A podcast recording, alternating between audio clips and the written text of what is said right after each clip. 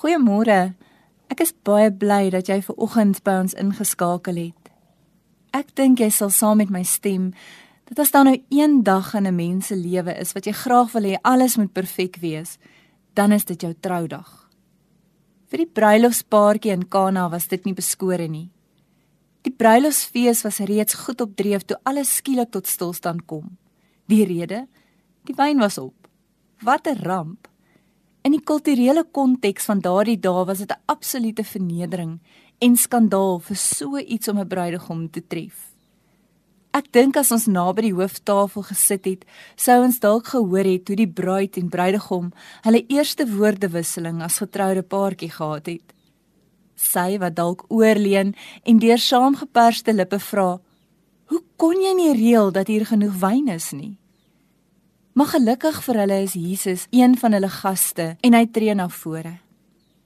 Jesus red die bruidegom uit sy verleentheid uit. Ons dien 'n wondergod.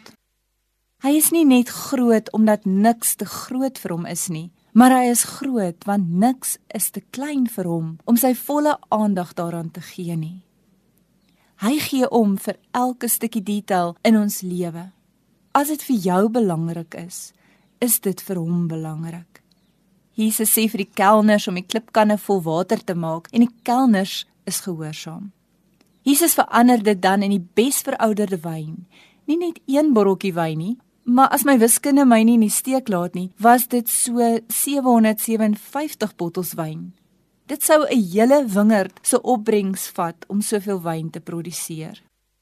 In sekondes doen hy wat eintlik onder normale omstandighede met druiwe 3 jaar sou neem. Jesus wys, ek kan die eenvoudigste stof op aarde vat en dit verander in iets ongeloofliks. Iets smaakloos en die besverouderde smaak denkbaar. Die punt wat Jesus wou maak is, kyk my mag oor die kleinste kleinste molekules. Ek kan enige iets in enige iets verander as God dit met water kan doen en kon doen, wat kan hy nie met jou lewe doen nie? Hy kan vrees en geloof verander. Hy kan hartseer en vreugde verander. Hy kan depressie verander in lewensvreugde. God kan enige iets in enige iets verander. Plaas vandag net weer opnuut jou vertroue in die wonderwerkende God vir wie niks onmoontlik is nie en wees gereed om verras te word deur dit wat hy in jou lewe kan doen.